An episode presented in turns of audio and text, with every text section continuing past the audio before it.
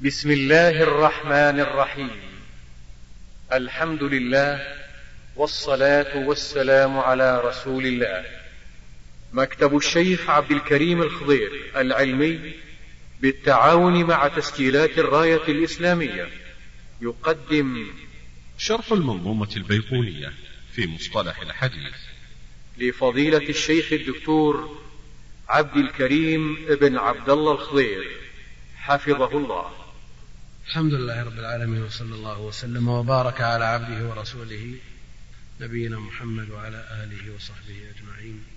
أما بعد فلا يخفى على أحد أهمية العلم الشرعي وأن مداره على الكتاب والسنة. العلم قال الله قال رسوله قال الصحابه هم أولو العرفان. فالأمة المحمدية أمة نص واتباع. ولا يمكن أن يؤخذ العلم إلا من هذين المصدرين فلا مسلك لنا ولا وسيلة لتحصيل العلم إلا عن طريق الكتاب والسنة. فطالب العلم بأمس الحاجة إلى معرفة هذين الوحيين وما يخدمهما وما يعين على فهمهما القرآن العظيم كلام الله جل وعلا ثابت ثبوتا قطعيا غير قابل للزيادة والنقصان محفوظ. إنا نحن نزلنا الذكر وإنا له لحافظون.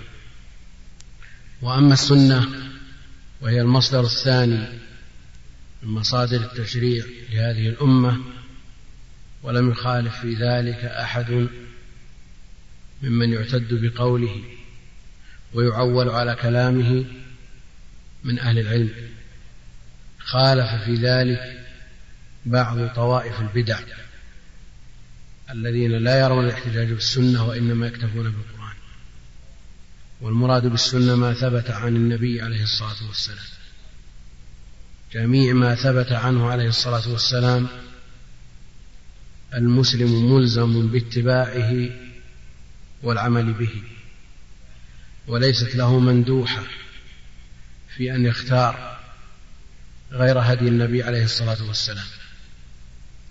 وكل عمل شرعي يشترط لقبوله بعد الإخلاص لله جل وعلا متابعة النبي عليه الصلاة والسلام.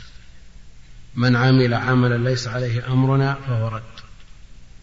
فإذا كان الأمر كذلك فلا بد من العناية بالسنه النبوية.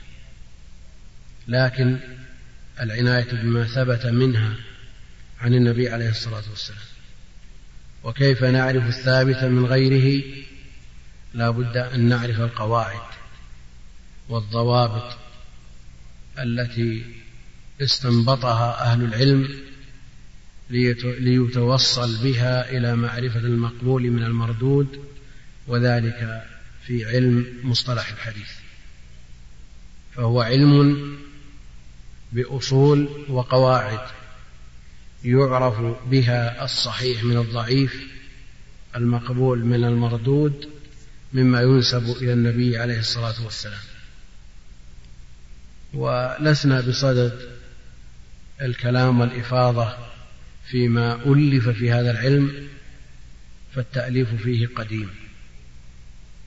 يوجد أو توجد قواعد هذا العلم في كتب المتقدمين وإن لم تدون في مصنف مستقل توجد في سؤالات الأئمة بل وجد أصل بعض فنون هذا العلم من عهد النبي عليه الصلاة والسلام. فالجرح والتعديل والكلام في الرجال حصل من النبي عليه الصلاة والسلام. فالنبي عليه الصلاة والسلام قال بئس أخو العشيرة وهذا أصل في الجرح لكن على ما سيأتي في بابه لا ينبغي أن يكون هذا الأصل مدخلا لبعض من يتفكه بأعراض الناس. بل على الإنسان أن يحتاط لنفسه وأن يحافظ على ما اكتسبه من حسنات ولا يأتي يوم القيامة مفلسا كما جاء في الحديث الصحيح. الجرح والتعديل واجب لكن بقدر الحاجة. احتيج إلى ذلك تعين حفظا للدين وصيانة للشريعة المكرمة أوجب أهل العلم الكلام في الرواة. وليعلم طالب العلم أن أعراض المسلمين حفرة. من حفر النار كما يقول من دقيق العيد وجاء في النصوص القطعية ما يقتضي تحريم الكذب في أعراض الناس. مع الأسف الشديد أن يوجد بعض من يتكلم حتى في أعراض خيار الأمة من المتقدمين والمتأخرين لم يسلم منه أحد. فهذا المسكين لا لا يدري أنه قد يتعب على تحصيل الحسنات ثم يفرقها. شعر أو لم يشعر كما جاء في الحديث الصحيح أتدرون من المفلس؟ قلنا المفلس من لا درهم له ولا متاع. قال المفلس من يأتي بأعمال. وفي بعض الروايات كأمثال الجبال يأتي وقد شتم هذا وضرب هذا وسفك دم هذا ثم يأخذ هذا من حسناته وهذا من حسناته وهذا من حسناته. فإذا فنيت حسناته أخذ من سيئاتهم فألقيت عليه فطرح في النار يأتي يفني عمره ويقضي وقته في طلب العلم ثم بعد ذلك يأتي مفلسا يوم القيامة. هذه هي الخسارة. هذا الذي خسر نفسه يوم القيامة. وهذه الخسارة الحقيقية. وهذا هو الفلس الحقيقي. وإن كان الفلس أيضا يطلق في أمور الدنيا على من لا درهم له ولا متاع وحقيقته أيضا شرعية في باب الحجر والتفليس المفلس من لا درهم له ولا متاع.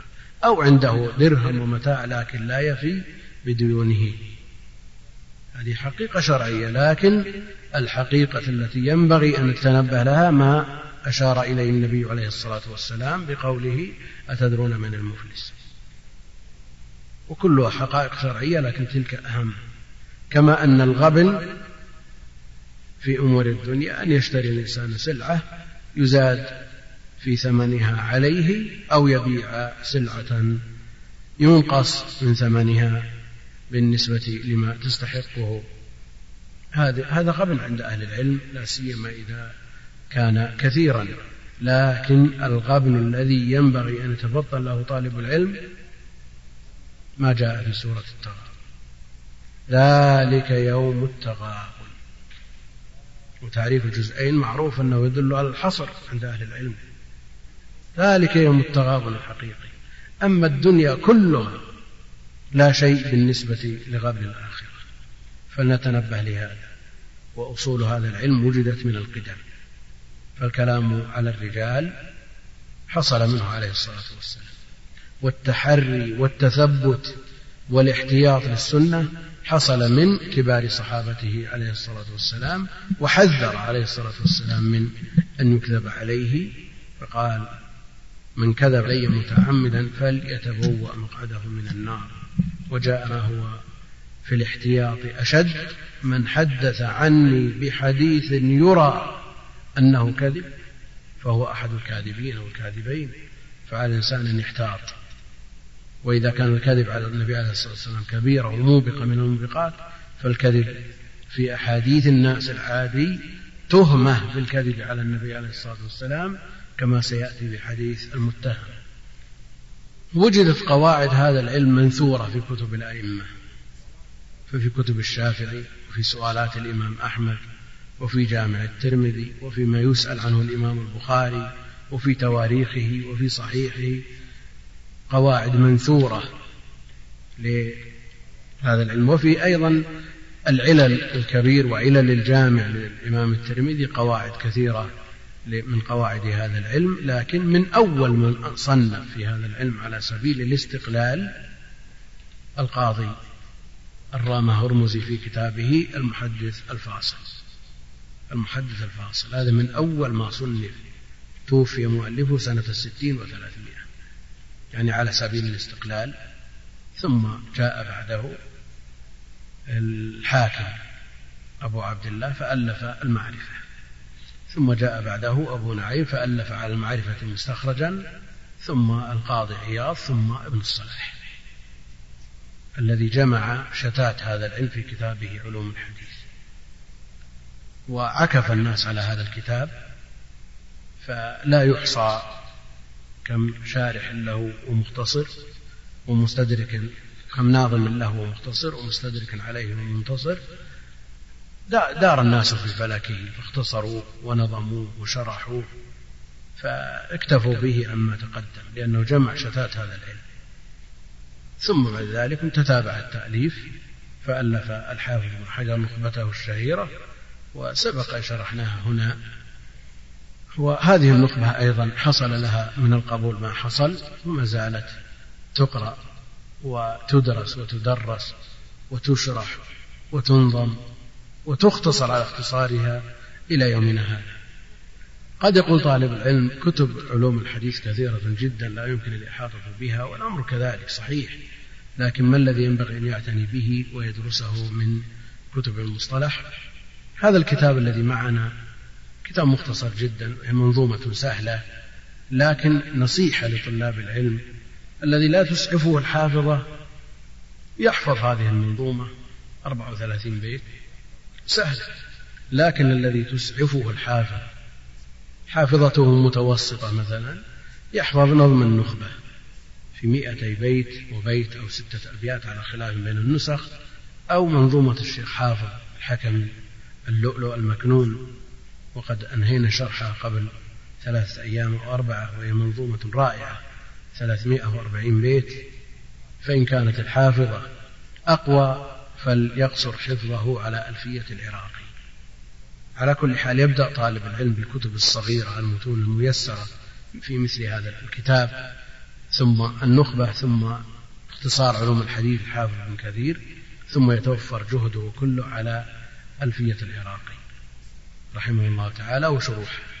بعد ذلك يكون هذا العلم على ما قرره المتأخرون. وأما قواعد المتقدمين التي ينادي بها بعض الغيورين ممن عرف بالحرص والحرقة على السنة النبوية وهي دعوة إن شاء الله أنها نابعة من قلب طيب ومن إخلاص صادق لكن مثل هذا الكلام لا يوجه إلى المبتدئين لأنه إذا وجه مثل هذا الكلام للمبتدئين صار تضييعا لهم. لأن المبتدئ لا يستطيع أن يتعامل مع أحكام المتقدمين حتى يتأهل لذلك. كما يطالب الطالب المبتدئ بالاجتهاد في الأحكام الشرع مثل هذا يضيع. فعلى طالب العلم أن يتربى على قواعد المتأخرين ثم بعد أن يتأهل لذلك ويكثر النظر في أحكام الأئمة ويخرج الأحاديث ويدرس أسانيدها ويكثر من ذلك إذا صارت لديه الأهلية لمحاكاة المتقدمين في أحكامهم هذا فرض لأن المتأخرين عالة على المتقدمين. ولا يظن بمن ينادي بنبذ قواعد المتأخرين والاهتمام بكلام الأئمة لا يظن بهم سوء لا أبدا. إنما باعثهم على ذلك الحرص على هذا العلم ولا شك أن المتأخرين عالة على المتقدمين. لكن يبقى أنه كيف يتربى طالب العلم على كلام الأئمة المتقدمين ومن يقلد من الأئمة المتقدمين؟ إذا عرف القواعد وضبط وأتقن وأكثر من دراسة تخريج الأحاديث ودراسة الأسانيد وتأهل للنظر في القرائن التي يرجح بها لأن أحكام المتقدمين مبنية على القرائن. والقرائن ما كن ندركها قد يفنى عمر الإنسان ما استطاع أن يحكم بالقرائن. لأن هذا العلم كما يقولون إلهام. لكن الإلهام مبني على صدق وإخلاص وحرص وجد واجتهاد. فالأئمة المتقدمون الذين يحفظون مئات الألوف من الأحاديث لديهم ملكة. الشم يعرفون الصحيح من الضعيف لكن شخص لا يحفظ الأربعين كيف يحكم بالقرائن أو يخفى عليه حديث في بدهيات المتون المحفوظة عند صغار طلاب العلم. هذا يحاكم المتقدمين لا يمكن. فالدعوة التي تقال وتطرق بين حين وآخر دعوة جيدة وصحيحة ومقصد سر هذا لكن لا يخاطب بها أحد المتعلمين.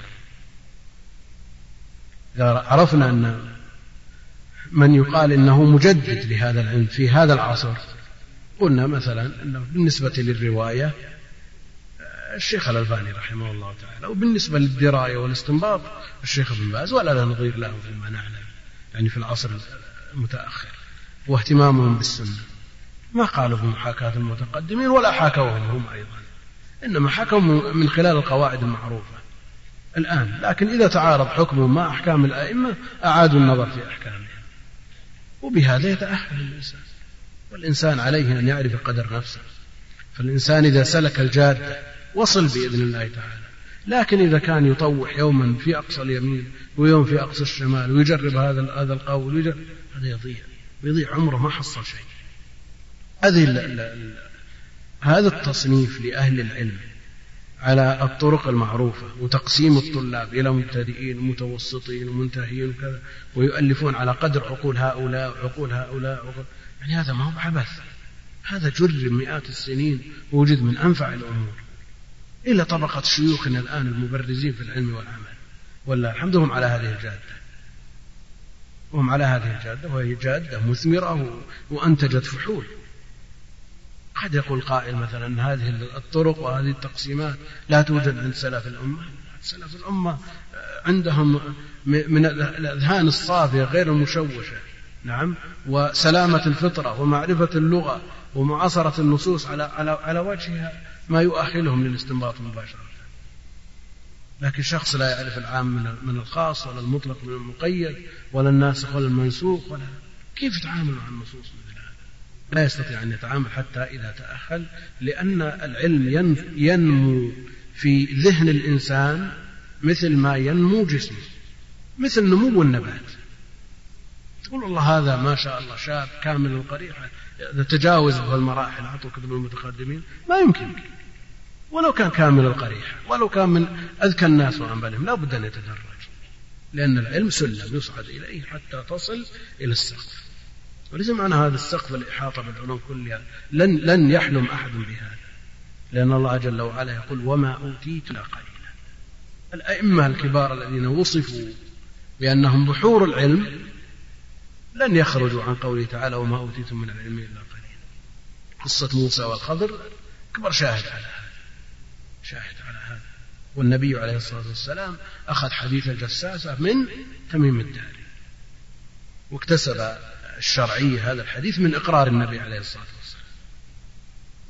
لا يقال كما يقول بعضهم أن العلم الشرعي مزيج من من حضارات وثقافات وما أدري إيش. هذا الكلام هذا الكلام تضليل يستدلون مثل هذه القضايا. حديث الجساسة لو لم يكتسب الإقرار من النبي عليه الصلاة والسلام ما التفتنا إليه. قلنا خرافة. لكن لما أقره النبي عليه الصلاة والسلام قلنا على العين والرأس. اكتسب القطعية. حديث عبد الله بن زيد في الأذان رؤيا. لكن هل الرؤيا والأحلام يقرر بها شرع؟ لا أبدا. لكن اكتسب الشرعية من إقرار النبي عليه الصلاة والسلام. فإقرار النبي عليه الصلاة والسلام نوع من أنواع سنته عليه الصلاة والسلام. يأتي من يكتب في الصحف مثل هذا الكلام ويقول الشريعة الدين مأخوذ من مزيج من حضارات والنبي عليه الصلاة والسلام يستفيد من الحضارات الأخرى. وكدت أن أنهى عن الغيلة فإذا فارس والروم يستعملونه ولا يؤثر عليه يقول أبدا النبي عليه الصلاة والسلام استفاد هذا الحكم من فارس والروم. يقول ليس بصحيح. النبي عليه الصلاة والسلام بعث لجميع من على وجه الأرض. بعث للناس كلهم. والأحكام عامة تشمل العرب وتشمل العجم وتشمل الفارس والروم والمشرق والمغرب. فكون هذا الأمر يؤثر على بيئة من أو فئة من الناس أو أهل مجتمع نعم لا يعطي حكم عام. فالنبي عليه الصلاة والسلام أراد أن ينهى لأنه يضر. لكن يضر من؟ يضر في هذه البيئة التي عاش فيها. لوجود مؤثرات أخرى مع هذا. فلما عرف أنه لا يؤثر على بقية الناس إذا لا ينهى عن مثل هذا. نعم. يبقى أن من يضره شيء يمتنع منه. من يضره شيء أمر من بعض الناس يضرها التمر. نقول لا تأكل تمر ولهذا معنى هذا أن التمر حرام. بعض الناس يضرها اللبن. يقول يا أخي لا تشرب اللبن. وليس معنى هذا أن اللبن حرام. بعض الناس يتضرر بالغيلة. والغيلة إرضاع الطفل مع الحمل مع حمل أمه. هذه الغيلة. العرب أو الحجاز على وجه الخصوص يتضررون لما يواكب ذلك من جو مثلا. فلا يحزن أن يصدر حكم عام لمن بعث إليهم النبي عليه الصلاة والسلام المشرق والمغرب وأكثر الناس ما يتضرر لأن الحكم للغالب. بعض الناس يكتب في الصحف ويحط من بعض النصوص ويتكلم بعض النصوص بناء على فهمه هو. لا يا أخي لابد من مراجعة أهل العلم في مثل هذه الأمور. أنت أشكل عليك شيء. نعم. أشكل عليك شيء. اسأل. يا أخي الديانة مزيج من حضارات مو بصحيح. أبدا. بل العكس النبي عليه الصلاة والسلام حرم التشبه بالآخرين باليهود والنصارى والمشركين وغيرهم. المعنى هذا أنه مزيج أبدا. ما يمكن. أمة مستقلة معتزة بدينها موجودة وجودا آه، مؤهلا لها لأن تكون خير أمة أخرجت نعود إلى تقرير ما نحن بصدده فهذا العلم لا شك أنه في غاية الأهمية لطالب العلم يتدرج فيه الطالب كغيره من العلوم يقرأ هذه المنظومة ويقرأ شرحها إن كانت حافظته ضعيفة جدا يحفظها وينظر فيما عداها من مطولات هذا الفن. إذا كانت حافظته أقوى يحفظ نظم النخبة أو اللؤلؤ المكنون إن كانت حافظته أقوى وأقوى فليقصر همته على الألفية ولا أنصح بحفظ أكثر من نظم في فن واحد لأن بعض المتون يشوش بعضها على بعض. فإذا أراد الطالب أن يستشهد ببيت من الألفية طلع عليه كلام بيقولي يشعر ولا يشعر؟ إذا أراد أن يقرر كلام هذا طلع عليه كلام الصنعاني؟ لأنها متقاربة. تنظم نظم علم واحد. تنظم في علم واحد. نعم؟ فإذا أراد هذا تشوش بعضها على بعض ولا يستطيع أن يميز النظم النظم آه، غالب غالب يغلب على الإنسان ويخرج من غير من غير أن يقصد ويشوش فيحفظ همته على متن واحد وعلى حسب ما يونس من نفسه ويعرف منها إن كانت حافظة فليقصر همته على ألفية العراقي وكل الصيد في جوف العراق. أما هذه المنظومة في 34 بيت يعني هي مجرد تذكرة لطالب العلم. وهي معتمدة على الشرح. إذا شرحت بأسلوب مناسب يعني وأفيض في شرحها بحيث تغطي حاجة الطالب لا بأس. لكن الغالب أن مثل هذا المتن ما يعطى المدة الكافية ليبسط في شرحه. 34 بيت يعطى ثلاثة أيام. علشان يشرح شرحا يناسب يناسب المبتدئين. يمكن أن يشرح هذا في سنة. يمكن أن يشرح هذا في سنة. على طريقة البسط. وكل إنسان يونس من نفسه أنه يستطيع أن يشرح مثلا العلوم التي يبثها لألفية العراق يبثها. لأن الأبواب هي هي ما تغير. فالمسألة نشرح هذا المتن بأسلوب إن شاء الله يكون مناسب وبطريقة بحيث ننهي هذا المتن خلال ثلاثة أيام. ومن أراد شروح كتب أخرى فهي موجودة ولا في التسجيلات. شرحنا أكثر كتب المصطلح. آخر ما شرحنا اللؤلؤ المكنون أنهيناه قبل ثلاثة أيام. أنهيناه قبل ثلاثة أيام في شرح متوسط أيضا. سم. الحمد لله رب العالمين والصلاة والسلام على أشرف الأنبياء والمرسلين. نبينا محمد وعلى آله وأصحابه أجمعين. قال العلامة البيقوني رحمه الله تعالى وغفر له وجمعنا فيه ووالدينا وشيخنا في الفردوس الأعلى إنه جواد كريم. بسم الله الرحمن الرحيم. الحمد لله حمدا طيبا مباركا فيه كما يحب ربنا ويرضى وصلى الله وسلم وبارك على عبده ورسوله نبينا محمد. وعلى آله وصحبه أجمعين. اللهم اغفر لنا ولشيخنا والسامعين برحمتك يا أرحم الراحمين. قال الإمام البيقوني رحمه الله تعالى في منظومته أبدأ بالحمد مصليا على محمد خير نبي أرسلا وذي من اقسام الحديث عدة وكل واحد أتى وحده. أولها الصحيح وهو ما اتصل إسناده ولم يشذ أو يعل يرويه عدل ضابط عن مثله معتمد في ضبطه ونقله. والحسن المعروف طرقا وغدت رجاله لا كالصحيح اشتهرت. وكل ما عن رتبة الحسن قصر. فهو الضعيف وهو أقسى من كثر. وما أضيف للنبي المرفوع وما لتابع هو المقطوع والمسند المتصل الإسناد من راويه حتى المصطفى ولم يبن وما بسمع كل راوي يتصل إسناده للمصطفى فالمتصل. يقول الناظم رحمه الله تعالى بسم الله الرحمن الرحيم. أبدأ بالحمد مصليا على محمد خير نبي أرسل ابتدأ المؤلف رحمه الله تعالى الناظم رحمة الله تعالى عليه بالبسملة أولا الناظم لا يوجد له ترجمة وقد اختلف في اسمه. هل هو طه أو عمر؟ ولا يعرف على وجه التأكيد إلا البيقوني لإشارته إلى هذه النسبة في آخرها. أما اسمه فمختلف فيه. ولا يعرف عن حياته شيء يذكر. وهذا يسلكه بعض العلماء لإخفاء نفسه مبالغة في الإخلاص لله تعالى. فالبيقوني وابن آج الروم لا يعرف لهما كبير ترجمة القحطاني الذي نونيته سارت بها الركبان لا يعرف له ترجمة فيهمنا العلم الذي بين أيدينا وأجره ثابت إن شاء الله تعالى لصاحبه ولو لم يعرف. يكفيه أن يقال قال رحمه الله تعالى. قال رحمه الله تعالى. يكفي. والله المستعان.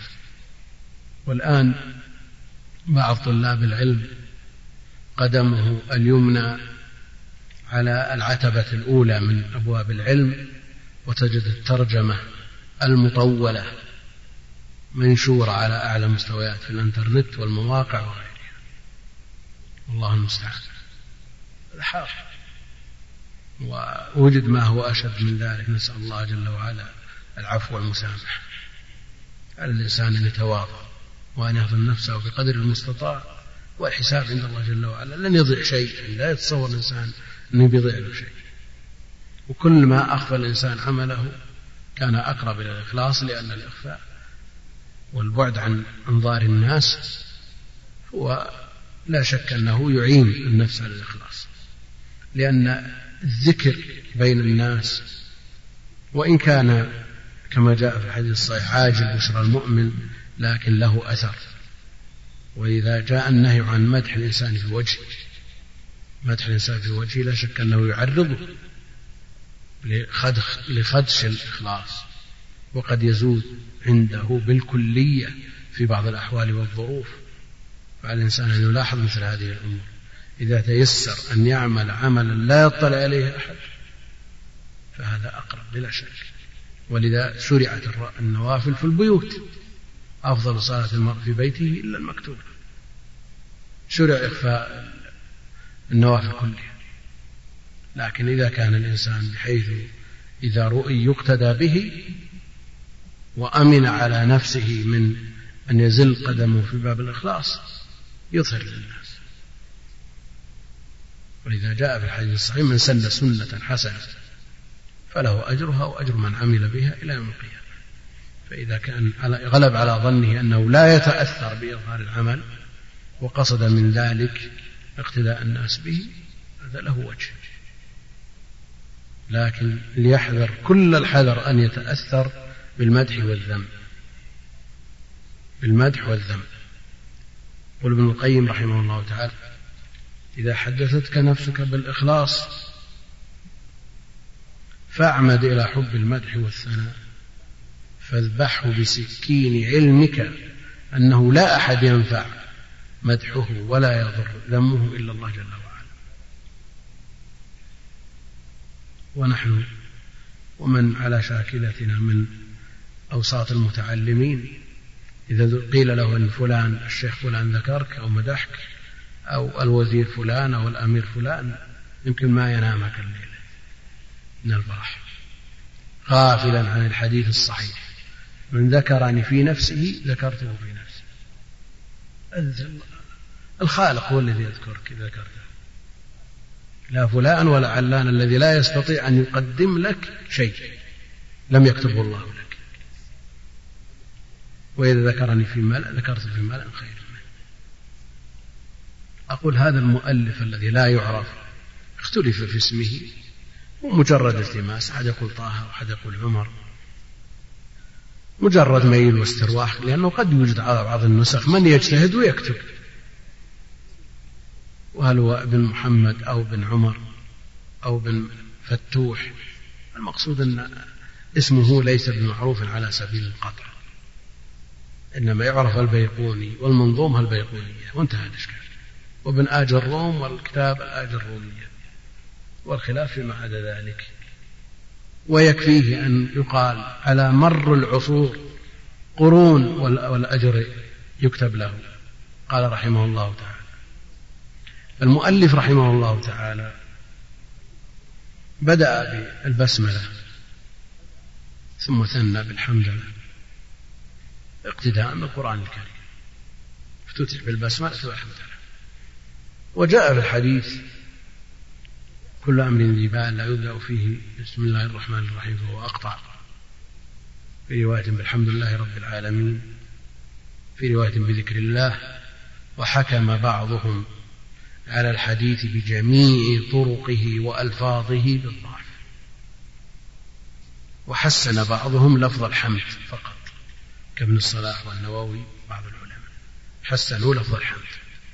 وعلى كل حال يكفينا الاقتداء بالقرآن الكريم. والنبي عليه الصلاة والسلام في مخاطباته ومراسلاته يبدأ بالبسملة وفي خطبه يبدأ بالحمد. لله وأما الصلاة على النبي عليه الصلاة والسلام فقد جاء الأمر بها. إن الله وملائكته يصلون على النبي يا أيها الذين آمنوا صلوا عليه وسلموا تسليما. والحمد يعرفه بعضهم أو كثير ممن عرف الحمد قال إنه الثناء على الله جل وعلا بما يستحقه من محامد وابن القيم رحمه الله تعالى فرق بين الحمد والثناء وأن الحمد ذكر الباري جل وعلا بأوصافه الجميلة. ونعمه العظيمة والثناء تكرار المحامد. واستدل بحديث قسمت الصلاة بيني وبين عبدي نصفين. ثم قال فإذا قال العبد الحمد لله رب العالمين قال حمدني عبدي. فإذا قال الرحمن الرحيم قال أثنى علي عبدي. فالثناء غير الحمد. وهذا ما قال ابن القيم في الوابل الصيب. فليرجع إليه. الصلاة جاء الأمر بها في قوله جل وعلا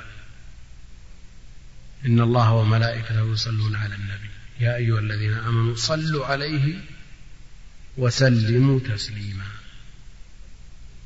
ولا يتم الامتثال. امتثال الأمر في الآية حتى يصلي ويسلم. أما الاقتصار على الصلاة فقط دون السلام أو السلام دون الصلاة فقط فلا يتم الامتثال بذلك. المؤلف يقول مصليا على محمد خير نبي أرسل. ما سلم على النبي عليه الصلاة والسلام. لم يتم امتثال الأمر. بل صرح النووي في مقدمة شرح مسلم بكراهة إفراد الصلاة دون السلام. لأن مسلم تعالى أفرد الصلاة دون السلام. فصرح النووي بكراهة ذلك. وابن حجر خص الكراهية بمن كان ديدنه ذلك.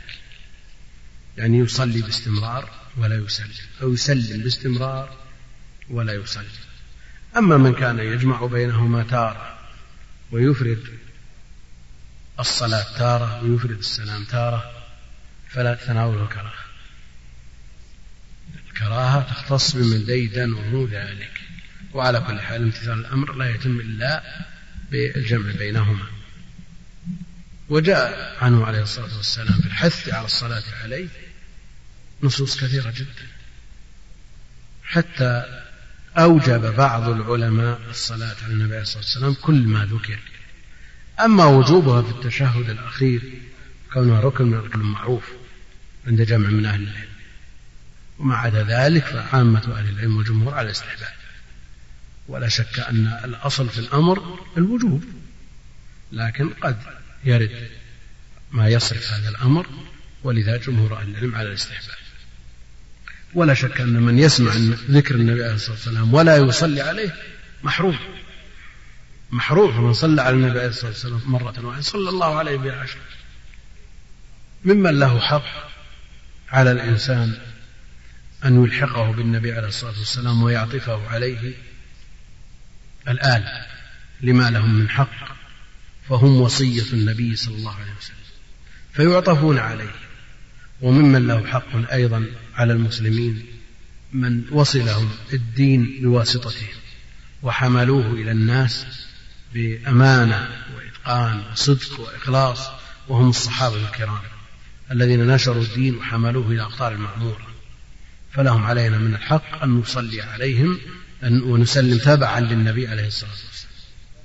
فإذا قال صلى الله عليه وسلم وآله وصحبه. ولا يفرد الآل ولا يفرد الصحب. لأنه مطلوب منه أن يصلي على الآل لأنهم وصية النبي عليه الصلاة والسلام والصحب أيضا لهم حق عظيم على الأمة فيصلى عليه تبعا له عليه الصلاة والسلام. أما إفراد الآل فهو شعار لبعض المبتدعة وإفراد الصحب أيضا شعار لقوم آخرين. وأهل السنة يتوسطون ويمتثلون جميع الأوامر. المقصود أن المؤلف رحمه الله تعالى بدأ بالبسملة ثم ثنى بالحمد لله ثم صلى على النبي عليه الصلاة والسلام ولو سلم لكان أكمل. خير نبي أرسل لا شك أنه عليه الصلاة والسلام سيد ولد آدم وهو أفضل الأنبياء وهو إمامهم وخاتمهم. من ختم الله به الرسالات ورسالته عليه الصلاة والسلام إلى الخلق أجمعين إلى الجن والإنس رسالته عامة. كان النبي يبعث إلى قومه وبعث النبي عليه الصلاة والسلام إلى الناس أجمعين. خير نبي أرسل فهو خيرهم وأفضلهم على الإطلاق. وقد جاء النهي عن التفضيل بين الأنبياء وجاء نهيه عليه الصلاة والسلام أن يفضل على يونس أو على موسى. ولذا يمتنع كثير من العلماء عن التفضيل لكن التفضيل جاء به النص القطعي. تلك الرسل إيش؟ فضلنا بعضهم على بعض. والنبي عليه الصلاة والسلام سيد ولد آدم. وله من الخصائص ما يجعله أشرف الخلق وخير نبي أرسل. والنهي عن التفضيل لا تفضلوا بين الأنبياء أو لا تفضلوني على يونس. إذا اقتضى هذا التفضيل تنقص المفضول لأن سبب الورود ورود النهي جاء بهذا الصدد. فيما تشاجر مسلم مع يهودي فقال اليهودي والذي فضل موسى على البشر وقال المسلم والذي فضل محمد على البشر حصلت الخصومة بل المسلم ضرب اليهودي في مثل هذه الخصومات لا يسلم الإنسان من تنقص الطرف الآخر وحينئذ ينهى عن التفضيل. أما في غير هذه الظروف فقوله جل وعلا تلك الرسل فضلنا بعضهم على بعض يقتضي أنهم درجات وأولو العزم منهم الخمسة أفضل من غيرهم. وكل نبي من الأنبياء له مزية له مزية على غيره تقتضي تفضيله من هذه الحيثية. والنبي عليه الصلاة والسلام خير الأنبياء وأفضلهم على الإطلاق. ثم قال الناظم رحمه الله تعالى وذي من أقسام الحديث عدة وكل واحد أتى وحده بعد البسملة والحمد لله والصلاة على النبي عليه الصلاة والسلام يشرع في الخطب وفي الكتب أن يقول الخطيب والكاتب. أما بعد وجاءت بها النصوص ثبتت من أكثر من في أكثر من ثلاثين حديثا. أما بعد فكذا. لكن هذا نظم مختصر جدا يمكن يعوز أن يأتي بكل مطلوب وإلا الإتيان بها سنة. ولا يتم أيضا امتثال السنة حتى نقول أما بعد. أما الاستعاضة بأما عن أما بالواو الناس يقول وبعد. هذا لا يتم به الامتثال. وإن قال بعض المتأخرين أن الواو قائمة مقام أما ما الذي يمنع من من النطق باللفظ النبوي؟ أما بعد وذي. عليه وسلم أما بعد فذي. وذي إشارة إلى هذه المنظومة أو إلى هذه الأبيات اللاحقة. إشارة إلى ما في الذهن. الأصل أن الإشارة أن تكون إلى ما في الأعيان. تشير إلى شيء موجود هذا ولا هذه ولا. هذا الأصل في الإشارة. لكن لما كان ما في الذهن كالموجود في الأعيان حكما يعني شيء مقدور عليه يشار إليه. هذا إذا كانت هذه المقدمة كتبت قبل المنظومة. كثير من الناس يؤخر الكلام في المقدمة حتى ينتهي الكتاب ثم يكتب له مقدمة. فإذا أشار أشار إلى شيء موجود في الآية. أما بعد فهذا كتاب جاهز يمكن أن يشار إليه. أما إذا كان هذا البيت قبل نظم ما بعده فالإشارة إلى ما في الذهن والإشارة إلى ما في الذهن المقطوع به. ما تقدر تقول أما بعد فهذا كتاب يحتوي على عشرين مجلدا ثلاثين مجلد يمكن تموت قبل توصل تكمل فلا تشير مثل هذا لكن أشياء مقدور عليها يغلب على الظن أن نكتفي بها. هذه رسالة لطيفة يمكن تكتبها. نعم فيغلب على الظن حصولها فتشير إليها. أما شيء لا يغلب على الظن حصوله أما بعد فهذا تفسير عظيم يحيط بجميع ما كتب في التفاسير. يمكن يفصل مئة مجلد. تستطيع أن تشير إليه تدري شو وراك يحتاج إلى سنين طويلة يحتاج إلى عشرين ثلاثين سنة ما تدري شو وراك ما تشير لكن أشياء يسيرة ثلاثين بيت شبهة يمكن أن تشير إليها باعتبار أنها في حكم الموجود.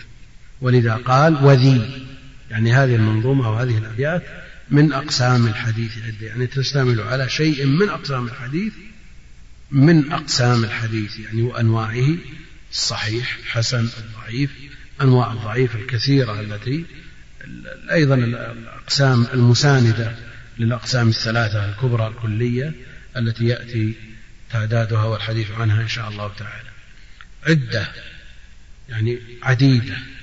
عدة يعني عديدة يعني كثيرة أو معددة. نعم؟ وكل واحد يعني من هذه الأقسام أتى وحد يعني سيأتي. أتى وحد أتى يعني سيأتي.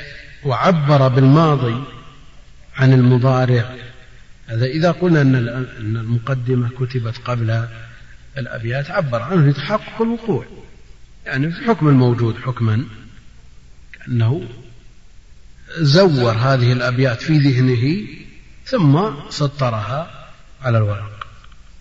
وكل واحد أتى وإذا قطع بمجيء الشيء نعم يعبر عنه بالماضي كما في قوله جل وعلا أتى أمر الله. فلا تستعجلوا. وسيأتي. لكن لتحقق وقوعه يعبر عنه بالماضي أتى وحده. الحد هو التعريف ويأتي كل واحد وحده وهذا مما تختلف به هذه المنظومة عن منظومة لا تقل عنها إن لم تكن أشهر منها. وهي منظومة ابن فرح. غرامي صحيح. هذه منظومة طارت بها الركبان. وشرحت عشرات الشروح وهي ما فيها إلا الأسماء تعداد. وهذه أولى منها. هذه أولى منها. نعم تلك من الناحية الأدبية الذوق الأدبي على ما يقولون أقوى. نعم لكن هذه من حيث اقتران الاسم بالتعريف أفضل. نعم نظم النخبة يقرن الاسم والتعريف والمثال والتقسيم. الألفية العراقي تأتي بهذا كله وتضيف إليه خلاف العلماء في المسائل الإصطلاحية. خلاف العلماء هذا يأتي باسم الموضوع وحد تعريف. لكن لا يذكر أمثلة ولا يذكر خلاف ولا يذكر شيء لأنها مختصرة جدا. أما نظم النخبة يذكر مثال يذكر مثال. ويشير إلى بعض ما يحتاج إليه من قواعد وضوابط تعين على فهم آه، النوع وأما ألفية العراقي فيأتي بكل شيء يحتاجه طالب العلم. يأتي بكل شيء يحتاجه طالب العلم. فلذا من حفظها أتقن هذا الفن لا سيما إذا طبق بالأمثلة العملية واقترن عنده النظري بالعملي.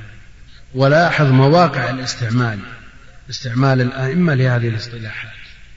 مثل هذا ينبغي ويبرز في هذا الفن إن شاء الله تعالى.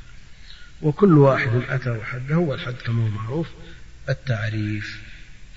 أولها أول هذه العدة وأول هذه الأنواع الصحيح. إذا يقول الحافظ العراقي رحمه الله تعالى وأهل هذا الشأن قسموا السنن إلى صحيح وضعيف وحسن. فالأول المتصل الإسناد بنقل عدل ضابط الفؤاد عن مثله من غير ما شذوذ وعلة قادحة فتوذ. هنا يقول أولها الصحيح هذا الاسم العنوان وتعريفه وهو ما اتصل.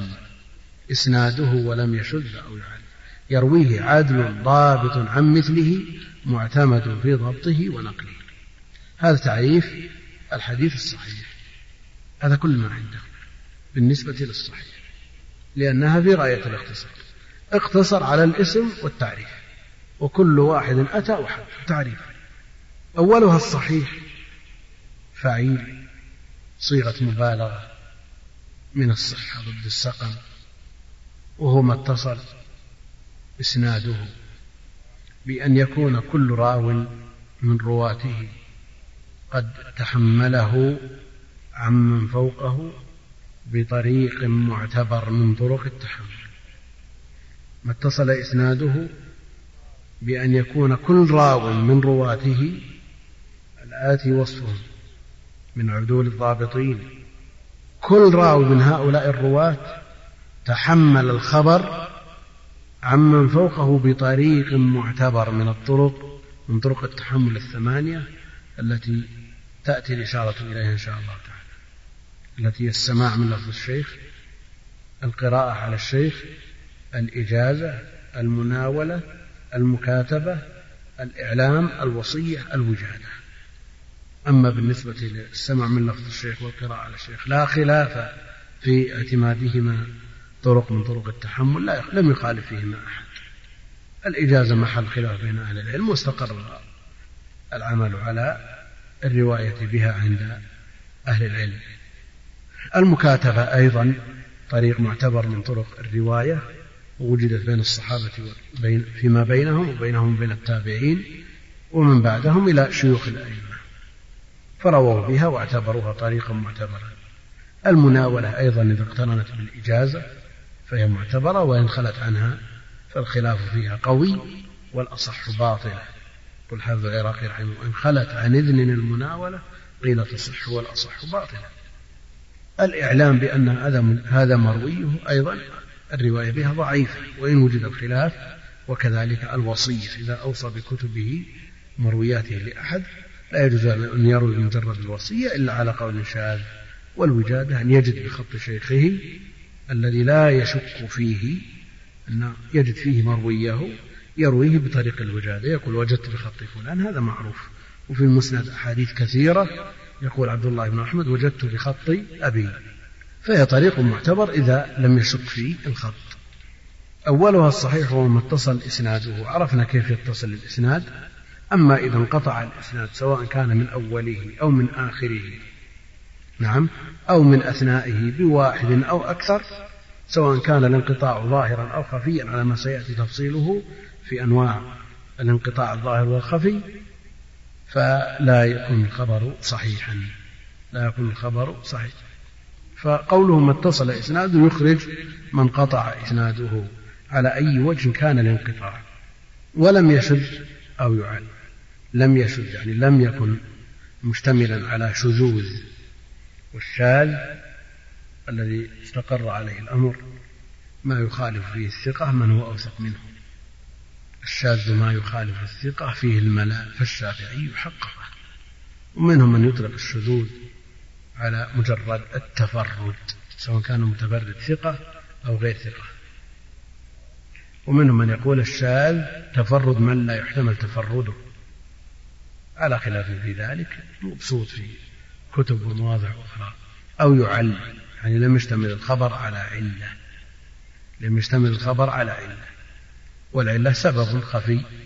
غامض يقدح في صحة الحديث الذي ظاهره السلامة منها.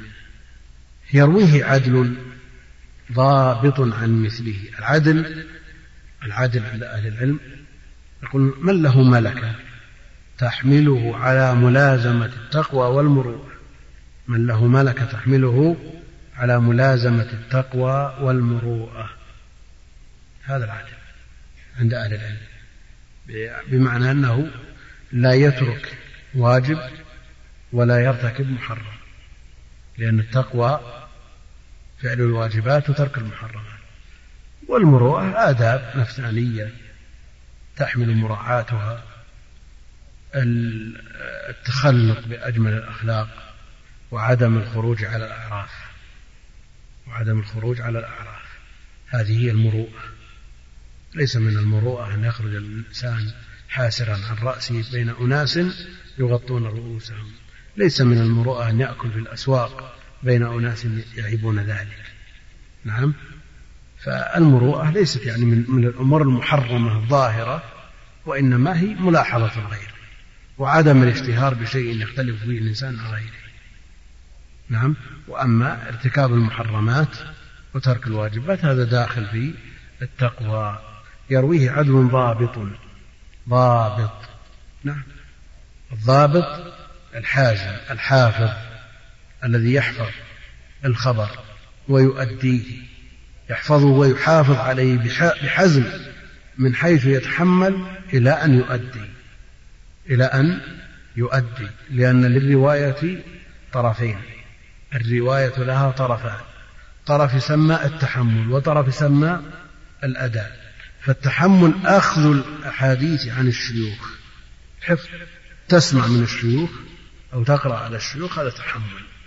والأداء تؤدي إلى التلاميذ نعم. في حال التحمل لا يشترط إنما يشترط التمييز يعني تفهم وتحفظ فقط. لا يشترط أن يكون بالغا ولا يشترط أن يكون عدلا.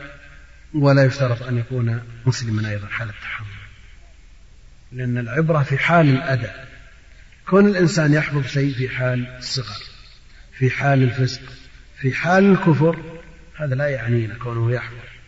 متى نحتاج إلى الشروط؟ إذا أراد أن يؤدي. هل تنطبق عليه الشروط أو لا تنطبق؟ نأخذ عن هذا أو لا نأخذ؟ هنا لا بد من توافر الشروط. أما تحمل الفاسق تحمل الصغير تحمل الكافر مقبول إذا أدى بعد انطباق الشروط عليه. محمود بن الربيع عقل المجة التي مجها النبي عليه الصلاة والسلام في وجهه من دلو وهو بن خمس سنين. تقول ما نقبل روايته لأنه صغير؟ ما هو مكلف. نعم لا نقبل أداؤه لهذا الخبر لا نقبل أداءه لهذا الخبر إلا بعد أن تنطبق عليه الشروط. جاءهم فاسق بنبأ فتبينوا في قراءة فتثبت. أما في حال الأداء فلا نشترط شيء. جبير بن مطعم سمع النبي عليه الصلاة والسلام وهو في حال كفره يقرأ في صلاة المغرب بسورة الطور فتحمل حال وجه المطلوب لكن لو أدى حال كفره نقبل ولا ما نقبل؟ ما نقبل. لأن العدالة شرط. أدى بعد إسلامه فقبلنا وخرج الخبر في الصحيحين أجمع جمهور أئمة الأثر والفقه في قبول ناقل الخبر بأن يكون ضابطا معدلا أي يقظا ولم يكن مغفلا. حافظا إن حدث حفظا يحوي كتابه إن كان منه يروي. إن كان منه يروي. لا بد أن ضابطا. يضبط سمع لو كان عدل من أوثق الناس من خيار الناس الصدق والعدالة لكن إذا سمع شيء نسيه ما يكون خبر ليس بضابط ولو كان من أضبط الناس وأحفظهم لكن يرتكب المحرمات هذا لا يؤمن. إذا لا يقبل يرويه عدل ضابط عن مثله. عن مثله. يعني يقول جميع طبقات السند يتصفون بهذين الوصفين العدالة. والضبط ومجموع العدالة والضبط ينتج منهما وصف لا بد منه في الرواية هو الثقة. الثقة عبارة عن اجتماع العدالة والضبط فلا بد أن يتوافر هذان الشرطان في جميع طبقات السند من أوله إلى آخره. عن مثله يعني مع اتصال السند. معتمد في ضبطه ونقله. معتمد. عن مثله راو مثله في الأوصاف السابقة وهو أيضا يكون ممن يعتمد عليه في الرواية معتمد في ضبطه ضابط حازم حافظ ونقله. مأمون على السنة. مأمون على السنة وإذا توافر الشرطان العدالة والضبط صار الراوي معتمدا في ضبطه ونقله. والأمثلة على الحديث الصحيح كثيرة جدا فالصحيحان وغيرهما فيهما الأحاديث الصحيحة فمظنة الحديث الصحيح في الصحيحين أول من صنف الصحيح محمد وخص بالترجيح ومسلم بعد وبعض الغرب مع أبي علي فضلوا ذا لو نفع ولم يعم معه. يعني ما عم جميع الصحيح ولذا الدعوة في الاقتصار على الصحيحين مع القرآن دعوة غير مقبولة. هناك من يقول يكفينا الصحيح القرآن والصحيح وكل دعوة تجد لها من يتبعها. هناك جماعة يسمون جماعة الاقتصار على القرآن مع الصحيح. وألف في ذلك تيسير الوحيين بالاقتصار على القرآن مع الصحيح. لكن هذه دعوة غير صحيحة لأننا بهذا نعطل أكبر قدر من السنة. فصح عن النبي عليه الصلاة والسلام في غير الصحيحين أكثر مما في الصحيحين. ولذا يقول الحافظ العراقي ولم يعماه ولكن قلما عند ابن الأخرم منه قد فاتهما. فات الصحيحين. قليل. ورد هذا الكلام ليس بصحيح بل كثير. ورد لكن قال يحيى البر النووي. ولكن قال يحيى البر لم يفت الخمسة إلا النازل يعني من الصحيح. خمسة البخاري ومسلم أبو داود الترمذي النسائي هذه دواوين الإسلام الخمسة. قبل أن يضاف السادس. لم يفت الخمسة إلا النزر يعني النزر قليل من الصحيح. وفيه ما فيه وهذا أيضا كناية عن ضعفه لأنه أيضا يصفو لنا من مسند أحمد رحمه الله تعالى صحيح كثير لا يوجد في الخمسة يصفو من صحيح ابن حبان صحيح كثير لا يوجد في الخمسة يصفو من صحيح ابن خزيمة كذلك من مستدرك الحاكم من سنن البيهقي من غيرها من الكتب. يصفو صحيح كثير في غير الخمسة وفيه ما فيه كناية عن ضعفه. لقول الجعفي أحفظ منه يعني من الصحيح عشر ألف ألف. يعني يحفظ من الصحيح مئة ألف حديث. البخاري رحمه الله تعالى. لكن قد يقول قائل وين هالمئة ألف؟ حديث صحيح مئة ألف وين؟ أجاب الحافظ العراقي رحمه الله بقوله وعله أراد بالتكرار لها وموقوف وفي البخاري أربعة الآلاف والمكرر منها. ثلاثة ألوف ذكر. المقصود أن الأحاديث الصحيحة كثيرة جدا. وفيها ما يشغل عمر المسلم. تعلما وتعليما وعملا وما يغنيه عن تتبع الأخبار التي لم تثبت عن النبي عليه الصلاة والسلام فضلا عن الأخبار التي تضاف إلى غيره فضلا عن الوسائل التي تلقن الناس اليوم وفتنوا بها من وسائل إعلام مقروءة ومرئية ومسموعة. ناس انصرفوا عن العلم الصحيح الأصيل إلى هذه الأمور التي تشغلهم وتشوش أفكارهم ولا تفيدهم لا في دينهم ولا في دنياهم. فعلينا أن نعنى بالأحاديث الصحيحة ولتكن عنايتنا بصحيح البخاري أكثر من غيره. لأنه ديوان الإسلام بعد القرآن. وفيه من العلم ما لا يستغني عنه أحد. نعم طالب العلم المبتدئ يربى على المتون الصغيرة. يحفظ الأربعين يحفظ العمدة يحفظ البلوغ أو المحرر لكن بعد ذلك لا يقف. يعتني بالكتب الكبار المسندة الأصلية بالباب وتكن عنايته الأولى بصحيح البخاري حتى إذا أتقنه ينظر فيما عداه كصحيح مسلم والسنن وغيرها.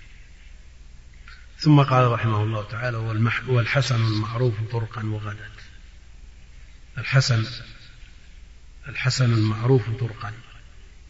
الأصل طرق جمع طريق. وغدت رجاله لا كالصحيح اشتهر. الحسن المعروف طرقا وغدت أولا الحسن في مرتبة واقعة بين الصحيح والضعيف. مرتبة واقعة بين الصحيح والضعيف. وما كان هذا شأنه يصعب ويعسر تمييزه. لماذا؟ لأن الإنسان أحيانا يتراءى له أن هذا الطريق إلى الصحيح أقرب. وأحيانا يتراءى له أنه إلى الضعيف أقرب. فيلحقه به والأول يلحقه بالصحيح. فهذه المنزلة المتوسطة بين الطرفين يصعب تمييزها وتحقيقها والاتفاق عليها. نعم قد يحكم الإنسان بأنه متأرجح بحيث لا يمكن إلحاقه بالصحيح ولا يمكن إلحاقه بالضعيف. يأتي عالم يستروح إلى أن إلحاقه بالصحيح له وجه ويأتي آخر يرى العكس أنه قصر أيضا عن رتبة التوسط إلى أن يلحق بالضعيف ولذا صعب تعريف الحديث الحسن. حتى صرح الحافظ الذهبي وغيره أنه لا مطمع في تمييزه. لا مطمع في تمييزه. وليس في, في هذا تضييع ولا تذويب. لا إنما في هذا حث وشحذ للهمم. لأن بعض الناس إذا قال ما لا مطمع في تمييزه ليش نسأل خلاص. لا لا. هم يريدون منك أن تعلو همتك وتكثر من جمع الطرق التي عله يلتحق بها إلى الصحيح ولو لغيره. نعم. اختلف العلماء اختلاف كبير في تعريف الحسن. هنا يقول والحسن المعروف طرقا وغدت طرق جمع طريق وهو يذكر ويؤنث. تقول من طريق آخر كما تقول من طريق أخرى. فالطريق يذكر ويؤنث. وطرقا سكن للحاجة لضرورة الوزن. طرقا وغدت رجاله يعني صار رجاله لا كرجال الصحيح اشتهرت. تعريف الحسن الذي اختلف فيه من قبل أهل العلم. اختلفوا فيه على أقوال كثيرة. يقول الحافظ العراقي رحمه الله تعالى الحسن المعروف مخرجا وقد اشتهرت رجاله بذاك حد حمد. هذا قريب جدا من تعريف البيض الحسن المعروف مخرجا وقد اشتهرت رجاله بذاك حد حمد. خطابي. وقال الترمذي ما سلم من الشذوذ مع راو ما اتهم بكذب ولم يكن فردا ورد. قلت وقد حسن بعض من فرد. وقيل ما ضعف قريب محتمل فيه وما بكل ذا حد حصل. كل هذه الأقوال ما حصل بأحد يميزه عن الصحيح والضعيف. الحسن المعروف طرقا وغدت رجاله لا كالصحيح اشتهر. حسن معروف طرقا. عرف الطرق. هل عرفوا بضعف ولا عرفوا بتوثيق؟ عرفوا بضعف ولا عرفوا بتوثيق؟ إن عرفوا بضعف صار ضعيف وإن عرفوا بتوثيق صار صحيح نعم. فهو متردد متأرجح بين هذين إلا أن قوله لا كالصحيح اشتهرت يخرج الصحيح. يخرج الصحيح. لكن كونهم معروفون بالقبول لكنهم دون رجال الصحيح يخرج أيضا الضعيف. وهذا يبين لنا مدى التأرجح. بين الصحيح والضعيف في هذا النوع.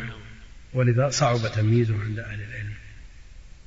وقال يعني ابن الصلاح وقال بان لي بإمعان النظر أن له قسمين كل قد ذكر.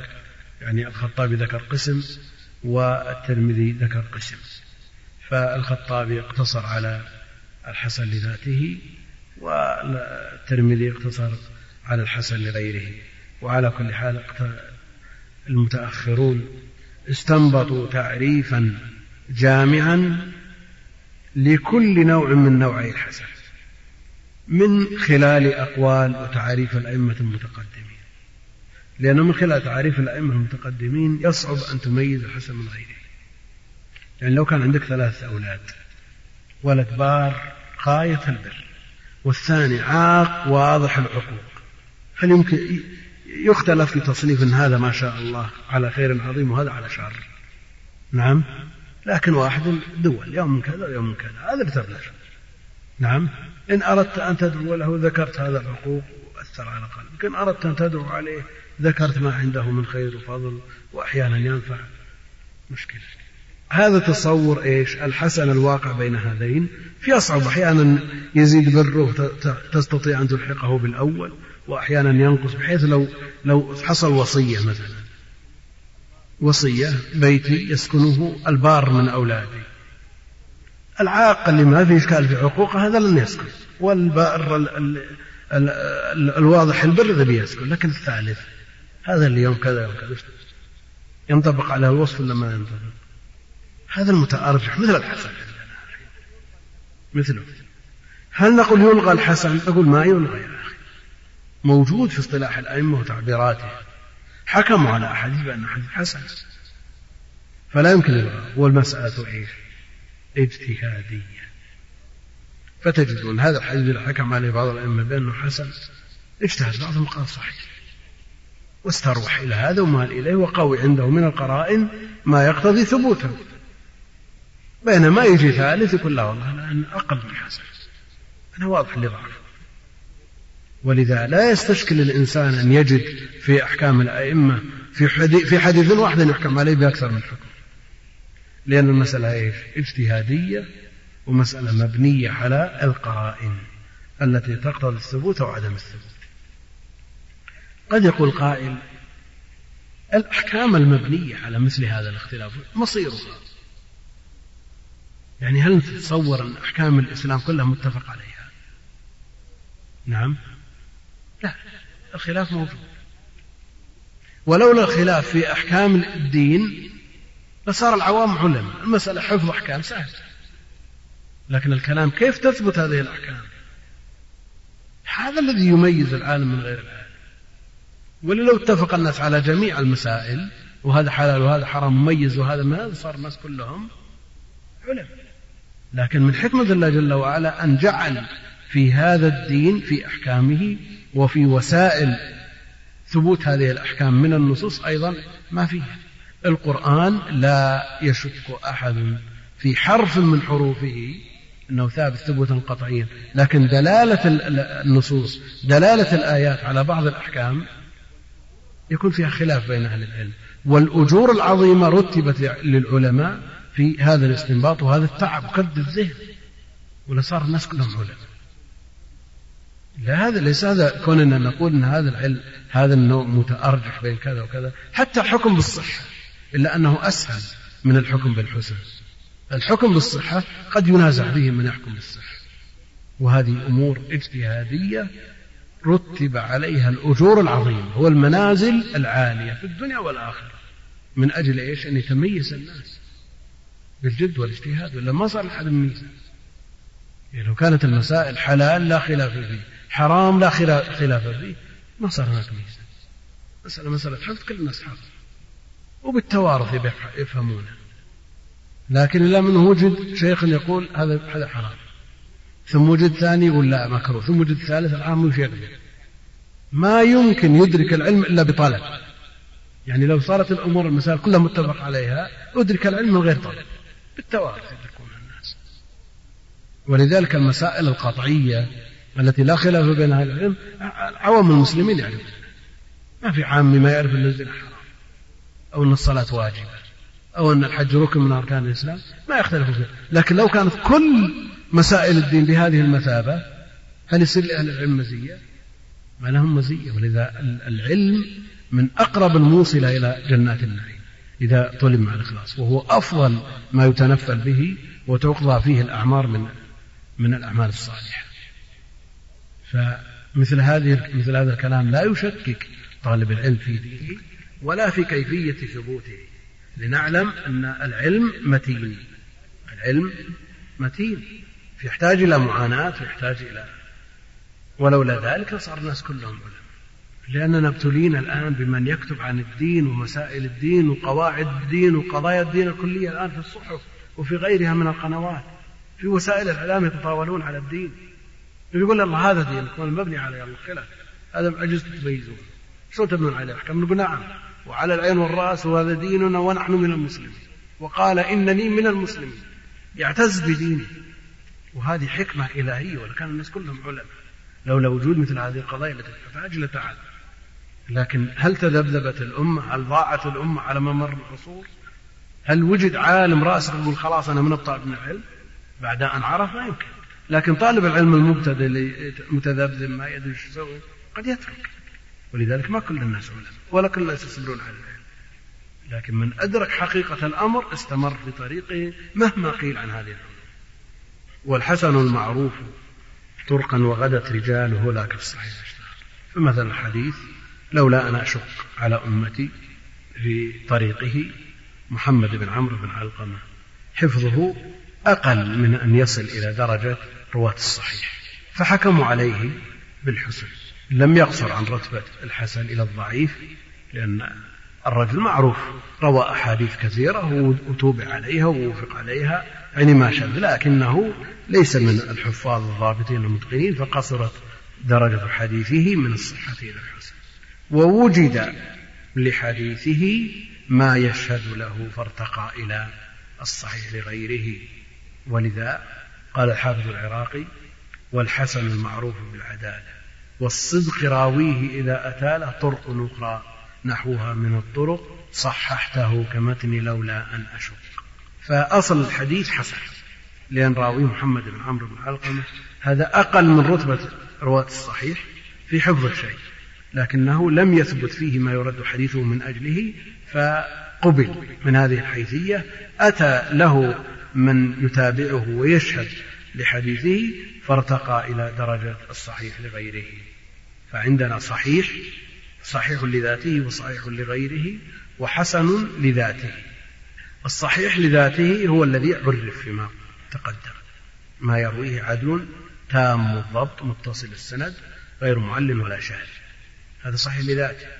الحسن لذاته من ما عرف هنا وهو ما يرويه عدل خفيف. يعني ضبطه أقل من ضبط راوي الصحيح بسند متصل غير معلل ولا شاذ. هذا الحسن لذاته. إذا وجد الحسن لذاته طريق أخرى من غير طريق راوي هذا ارتقى إلى المرتبة المتوسطة وهي الصحيح لغيره. فالصحيح لغيره هو الحسن لذاته إذا تعددت الطرق. والحسن المعروف بالعدالة والصدق راويه إذا أتى طرق أخرى. نحوها من الطرق صححته كمتن لولا أن أشق فبهذا نكون عرفنا ثلاثة أنواع. هناك حسن لغيره. نعرفه بعد معرفة الضعيف لأنه هو الضعيف القابل للانجبار إذا تعدد الطرق. فالأقسام خمسة صحيح لذاته صحيح لغيره حسن لذاته حسن لغيره ضعيف. فعندنا الصحيح لذاته متميز الصحيح لغيره هو الحسن لذاته إذا تعددت طرقه الحسن لغيره هو الضعيف إذا تعدد الطرق الضعيف يأتي تعريفه في كلام المؤلف إن شاء الله وكل ما عن رتبة الحسن قصر فهو الضعيف وهو أقساما كثر وكل ما عن رتبة الحسن قصر فهو الضعيف وهو أقساما كثر. الأصل أن يقول وهو قد كثر أقساما كثر أقساما. كثر الضعيف أقساما. كما تقول تفقأ زيد شحما. تمييز. يسمونه تفسير أيضا. لكن بعض اللي نشروا الكتاب ما استوعبوا مثل هذا وهو لازم مبتدأ يبي له خبر نعم هو مبتدأ يحتاج إلى خبر فرفعها وهو أقسام واحتاج أن يقول كثر يعني كثيرة ليصف هذه الأقسام بأنها كثيرة. لكن كثر أقساما ما في هذا اشكال نعم. كيف؟ وكل ما عن رتبة الحسن قصر.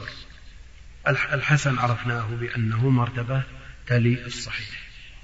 إذا تخلف شرط القبول ضعف الخبر.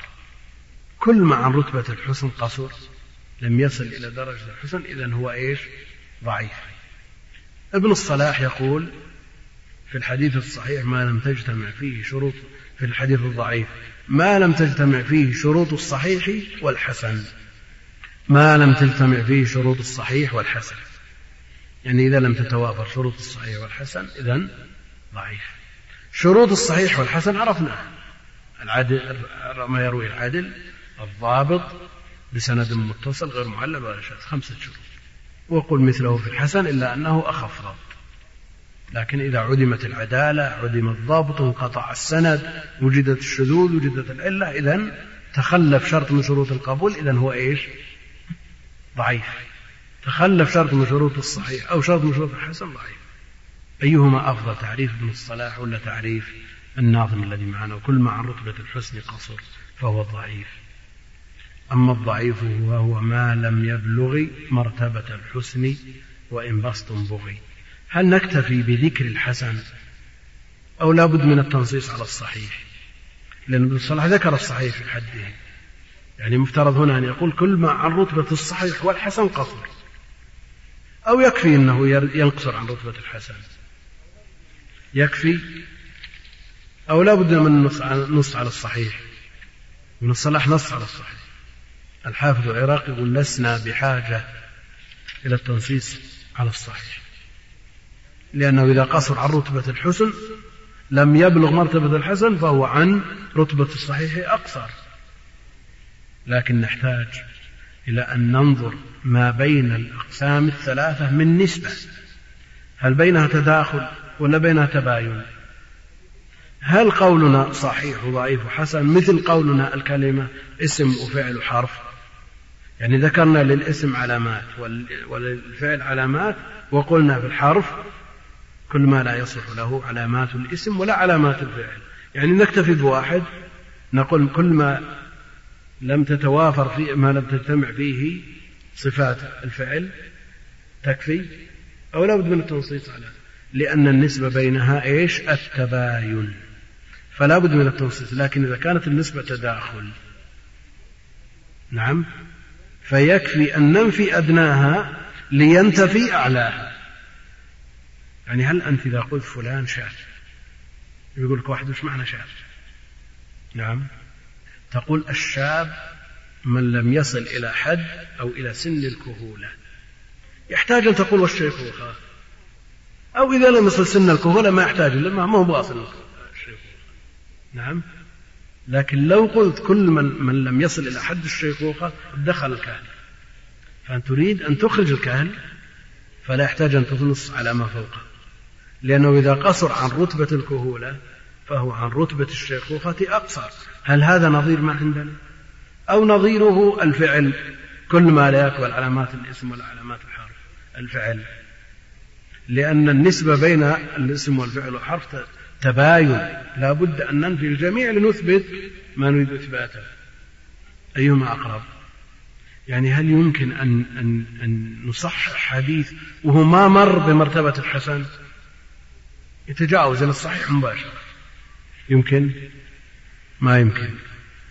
صحيح؟ طيب. عندكم في العلوم مسألة الجامد إذا صهر صار سائل ثم تبخر.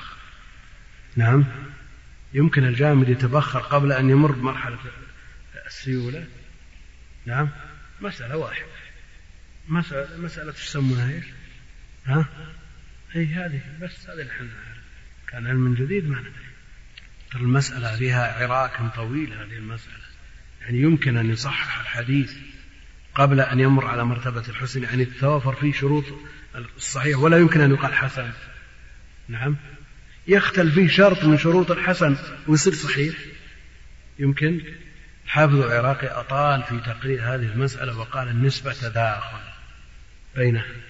فإذا كانت النسبة تداخل فلسنا بحاجة إلى ذكر الصحيح لأنه إذا قصر عن رتبة الإيش؟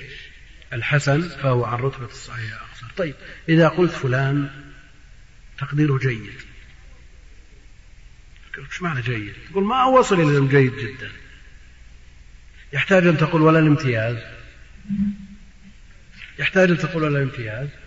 ما يحتاج. لأنه قصر عن الجيد جدا إذا الامتياز أقصر. وهنا يقرر الحافظ العراقي أنه إذا لم يصل مرتبة الحسن فهو عن مرتبة الصحة أقصر. فلسنا بحاجة إلى أن نقول الحافظ بن حجر ما استوعب هذا الخلاف وأراد أن يخرج منه بالكلية بكلام مختصر ولا يحتاج إلى أن يستدرك عليه بشيء. كل ما لم تتوافر فيه شروط القبول فهو ضعيف. وخرج من هذه الإشكالات كلها. لأن النسب بين الأنواع الثلاثة منهم من يقول بينها تباين. نحتاج إلى ذكر الصحيح أحيانا. ومنهم من يقول تداخل. وإذا نظرنا إليها بعين الاعتبار وجدنا أن فيها تباين وفيها تداخل. فمثلا الصحيح والحسن. ما الذي بين الصحيح لذاته والحسن لغيره من النساء هل في تداخل ولا تباين؟ في تباين. نعم. لكن ما الذي بين الصحيح لغيره والحسن لذاته؟ تداخل. تداخل تام. لأن الصحيح لغيره هو الحسن لذاته إذا تعدد الطرق. فهما متباينان من وجه متداخلان من وجه. فالذي تعريف ابن حجر أزال الإشكال كله. وما لم تتوافر فيه شروط القبول انتهى الإشكال. وهنا سلك مسلك الحافظ العراقي رحمه الله تعالى وأنه إذا قصر عن مرتبة الحسن لن يصل إلى الصحيح بحال. وكل ما عن رتبة الحسن قصر فهو الضعيف وهو أقسام كثر كثر أقساما. أقسام الضعيف كثيرة جدا لأن شروط القبول العدالة والضبط اتصال السند السلامة من الشذوذ السلامة من العلة القادحة عدم الجابر عند الاحتياج إليه. هذه شروط قبول. إذا فقدنا العدالة خرج لنا نوع. إذا فقدنا العدالة مع الضبط خرج لنا نوع ثالث. إذا خرجنا إذا فقدنا الضبط وحده خرج لنا النوع الرابع إذا فقد إذا المهم أوصل بعضهم هذه الأنواع إلى خمسمائة نوع. كيف يصل إلى هذا العدد؟ لأن بالمضاعفات تمشي. بالمضاعفات تمشي. أنت تمسك الشرط الأول ومشه بمفرده ثم مش عليه اجمع معه كل شرط من الشروط. ثم ابدأ بالثاني ومثل والثالث ومثل. لكن الاشتغال بمثل هذا التقسيم. ما الذي يفيدنا؟ ماذا يفيدنا مثل هذا التقسيم الذي لا توجد له تسميات عند أهل العلم؟ إن كان القصد أنه مجرد أن يقال يصل عندنا على سبيل العملية الحسابية إلى خمسمائة والعلماء ما سموا ولا حكموا. إنما أطلقوا حكم الضعيف وسموا أنواع معددة. سموا الشاذ سموا المعل والمنكر والمعضل والمنقطع والمعلق والمرسل والمضطرب أنواع محدودة. أنواع معدودة وكلها تأتي. أما أن نعرف إلى كم يصل العدد بالبسط من غير أن نجد له واقع في تسميات الأئمة ولا في أحكامهم هذا ما له قيمة. ولذا قالوا هو أقسام كذا إذا حكم الأئمة على خبر بأنه صحيح أو حسن أو ضعيف فهذا بحسب ما يظهر لهم من خلال القواعد المعروفة عندهم. لكن لا يعني هذا أننا نقطع بأن هذا صحيح ثابت أو أن هذا ضعيف مردود. والسبب في هذا أن راوي الصحيح مهما بلغ من الحفظ والضبط والعدالة والإتقان نعم إلا أنه ليس بمعصوم. قد يخطئ قد يخطئ. ومثله راوي الضعيف وإن ضعف حفظه. وإن اختلت عدالته إلا أنه قد يصدق قد يضبط. نعم ألا يمكن هذا؟ الأئمة الحفاظ المتقنون ضبطت عليهم بعض الأوهام فليسوا بمعصومين كما أن الضعفاء قد يضبطون. يعني هم معنى هذا هذا الراوي ضعيف. كل كلام يقوله ما ضبطه. نعم. أو قد يضبط بعض الشيء لكن الحكم للغالب. قد يضبط كما أن الحافظ الثقة العدل المأمون قد يخطئ ومالك نجم السنن ضبط عليه أوهام وشيخ الإسلام يقول قد يوجد خطأ حتى من بعض الصحابة. وروى بعض الصحابة ما هو مرجوح. وبالصحيح والضعيف قصدوا في ظاهر للقطع والمعتمد إمساكنا عن حكمنا على سند بأنه أصح مطلقا وقد إلى آخره. فأحكامنا مبنية على الظاهر. أحكامنا مبنية على الظاهر والحكم للغالب عند أهل العلم. لكن قد يقول قائل أنا عندي سند. وش يدرين أن مالك ضبط ولا ما ضبط؟ أنا عندي مالك ثقة وخبره صحيح. نقول تعيش لها جهابذة الذين دونوا هذه الأخطاء ونبهوا على هذه الأوهام. يعني لو أن الله جل وعلا وكل العلم إلينا وإلى قدراتنا ضاع لكن هناك أئمة لمن يخطئ بالمرصاد. علل لا تخطر على البال ومع ذلك بينوها وهذا من حفظ الدين الذي تكفل الله بحفظه وبقائه إلى قيام الساعة. لأن الإنسان قد يسمع مثل هذا الكلام. يقول وش أنا المطالب بالحكم على السند. والسند ما في احتمال هذا الراوي الثقة العدل الضابط يخطئ. نقول في احتمال يخطئ. طيب من يبين لنا أخطأنا كنت أعيش الجهابذة. العلماء ما, ما, ما فرطوا في شيء. ولذلك يضبطون أوهام الثقات. ويضبطون ما, ما ينكر على فلان وضبطوا ما أخطأ فيه فلان. ما تركوا شيء. ويبقى أن الطالب طالب العلم يمرن على هذه القواعد تمرين. نعم يمرن على هذه القواعد تمرين. وإلا فالعدل الضابط الثقة قد تجد آه، سند كالشمس صحة. ما فيه أدنى إشكال. كلهم أئمة حفاظ. وتجد فيه وهم وهم وهم. واحد أخطأ. لكن إذا سلسل الخبر بالحفاظ قد يجزم الإنسان ويقطع أنه ما في خطأ. نعم لأن الوهم إذا قلنا مثلا أحمد عن الشافعي عن مالك عن نافع عن ابن عمر إذا أخطأ نافع لن يوافقه مالك عليه. نعم؟ لو أخطأ مالك وضبط عليه بعض الأخطاء لن يوافق عليه من بعده من الأئمة. فاجتماع الأئمة يقول المسلسل بالحفاظ المتقنين يكاد يقطع بأنه ثابت ولو أوردنا هذا الاحتمال أنهم هم معصومين. نعم الواحد ما هم معصومين ما هم معصوم لكن موافقة الثاني عليه بخلاف ما إذا روي بإسناد صحيح لم يبلغوا إلى هذه الدرجة. نعم فعندنا الخطأ وارد. نعم ابن عباس روى حديث زواج النبي عليه الصلاة والسلام ميمونة في الصحيح. في الصحيح. وقال إنه تزوجها وهو محرم. خرج في البخاري. معنى هذا الكلام هو الواقع؟ ميمونة قالت تزوجه وهو حلال وأبو رافع السفير بينهما يقول تزوجه وهو حلال فلا يعني أن هذا هذا صحيح إلى ابن عباس. كلهم يرونه من قول ابن عباس. لكن ابن عباس أخطأ فيها وش لأنه ليس بالمعصوم وتعيش لها الجهابذة الترجيح والقواعد موجودة قواعد الترجيح. رجحنا خبر ميمونة لأنها صاحبة الشأن ورجحنا خبر أبي رافع لأنه السفير بينهم.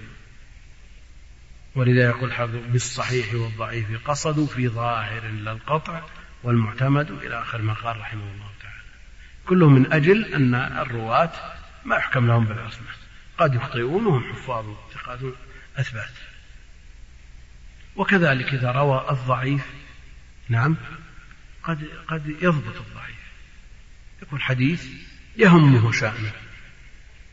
من عادته يخطئ لكن هو بحاجة إلى هذا. الحديث ضبطه وأتقنه وأداه نعم يحكم له العلماء بأنه ثابت. ويعملون به وإن كان راويه في الأصل ضعيفا لأنه نعم غالب ما يروي مردود. يبقى أن هذا الخبر الذي وافق فيه كيف نعرف أن هذا الضعيف ضبط؟ نعرفه بعرض روايته على رواية الثقات الأثبات فنصحح خبره لأنه وافق الثقات لأن سيء الحفظ قد يحفظ وغير العدل قد يصدق والكذوب قد يصدق والنبي عليه الصلاة والسلام قال عن الشيطان صدقك وهو كذوب. إذا لا نقطع بأن هذا الضعيف لم يثبت عن النبي عليه الصلاة والسلام لا نقطع به نرده لأننا مطالبين بالحكم على الظاهر. أما حقيقة الأمر فالله أعلم. ويبقى أن الدين دين حكم على الظاهر. ولذا النبي عليه الصلاة والسلام يقول إنما أنا بشر. فلعل بعضكم من يكون ألحن بحجته من بعض فأقضي له على نحن ما أسمع فما علينا إلا الحكم بالظاهر والقواعد الشرعية المتبعة والطرائق المسلوكة. كون الإنسان يرتب عليها الثواب والأجر على على هذه الوسائل الشرعية المرعية في الشرع. كونه يصيب إذا أصاب له أجران إذا أخطأ له أجر واحد على الاجتهاد لكن لا بد أن يكون الهدف نصر الحق. نصر الحق. لا يكون الباعث على ذلك الهوى. لا يكون الباعث على ذلك الهوى. الله أعلم. وصلى الله وسلم وبارك على عبده ورسوله نبينا محمد وعلى آله وصحبه أجمعين.